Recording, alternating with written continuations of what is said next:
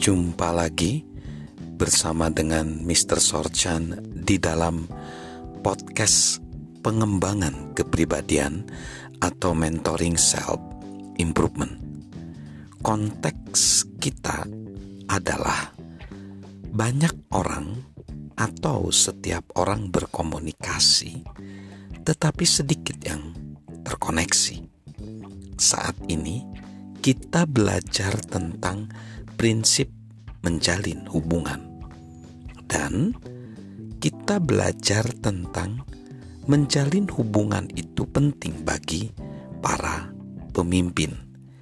Kita belajar dari pemimpin, yaitu para presiden di Amerika Serikat, di dalam hal kemampuan berkomunikasi. Saat ini kita akan belajar dua presiden yaitu Bill Clinton dan George W. Bush.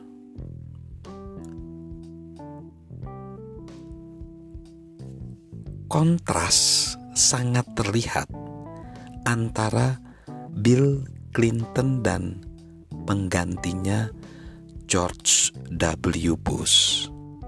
Clinton membawa komunikasi ke tingkat yang lebih penting sebagai seorang presiden.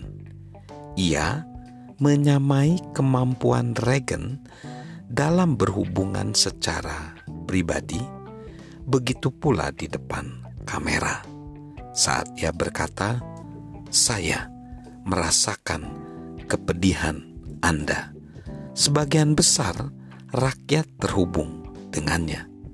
Clinton tidak hanya memiliki keterampilan dalam menjalin hubungan yang sama dengan Reagan, tetapi lebih dari itu, kemampuan dalam mengikuti wawancara dan talk show yang sangat penting saat ia mencalonkan dirinya. Ia nampaknya tidak pernah kehilangan kesempatan untuk menjalin hubungan. Sejauh ini, tidak ada politisi yang mengunggulinya dalam hal berkomunikasi. Bush, di sisi lain, nampaknya hampir selalu kehilangan setiap kesempatan untuk membangun hubungan dengan orang lain. Suatu saat yang sangat jelas di mana ia berhasil membangun hubungan terjadi segera setelah peristiwa 11 September 2001 saat ia berbicara di Ground Zero. Setelah itu, ia biasanya berulang kali gagal ketika ia berusaha berbicara dengan orang lain. Ketidakmampuannya dalam membangun hubungan menjauhkan orang lain dari dirinya dan mewarnai segala sesuatu yang ia lakukan sebagai presiden. Pakar komunikasi bernama Bert Decker setiap tahun mempublikasikan sebuah daftar komunikator terbaik dan terburuk. Tebak, siapa yang ada di daftar komunikator terburuk setiap tahun selama masa jabatan terakhirnya. Presiden George W. Bush pada tahun 2008 Decker menulis tentang Bush. Segera setelah tragedi 11 September, ia kembali pada kebiasaannya mengangkat bahu dan menyeringai dan kesulitan dengan sintaks dan tata bahasa. Ia mungkin mencapai titik terendah dalam tanggapannya terhadap bencana badai Katrina. Itu bukanlah komunikasi seorang pemimpin.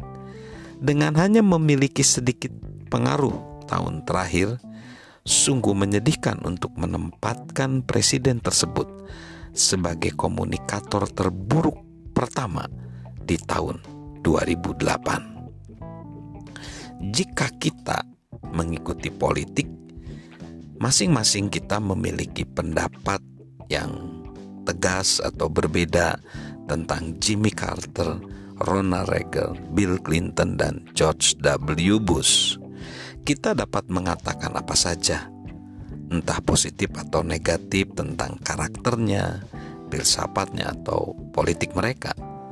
Tetapi keefektifan mereka sebagai pemimpin sangat dipengaruhi oleh kemampuan atau ketidakmampuan mereka dalam berkomunikasi. Membangun hubungan itu penting, entah kita berusaha memimpin seorang anak atau suatu bangsa.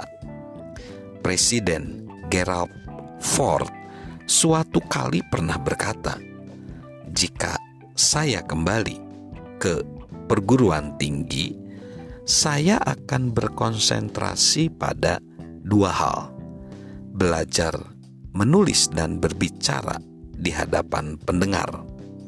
Dalam kehidupan, tidak ada yang lebih penting dari kemampuan untuk berkomunikasi dengan efektif. Bakat saja tidak cukup, pengalaman juga tidak cukup untuk memimpin orang lain kita harus berkomunikasi dengan baik dan kuncinya adalah menjalin hubungan. Sahabat Mr. Sorchan, marilah kita menjadi seorang komunikator bahkan seorang konektor yang baik agar kita menjadi pribadi yang sukses. Salam sehat selalu dan salam sukses selalu dari saya Mr. Sorchan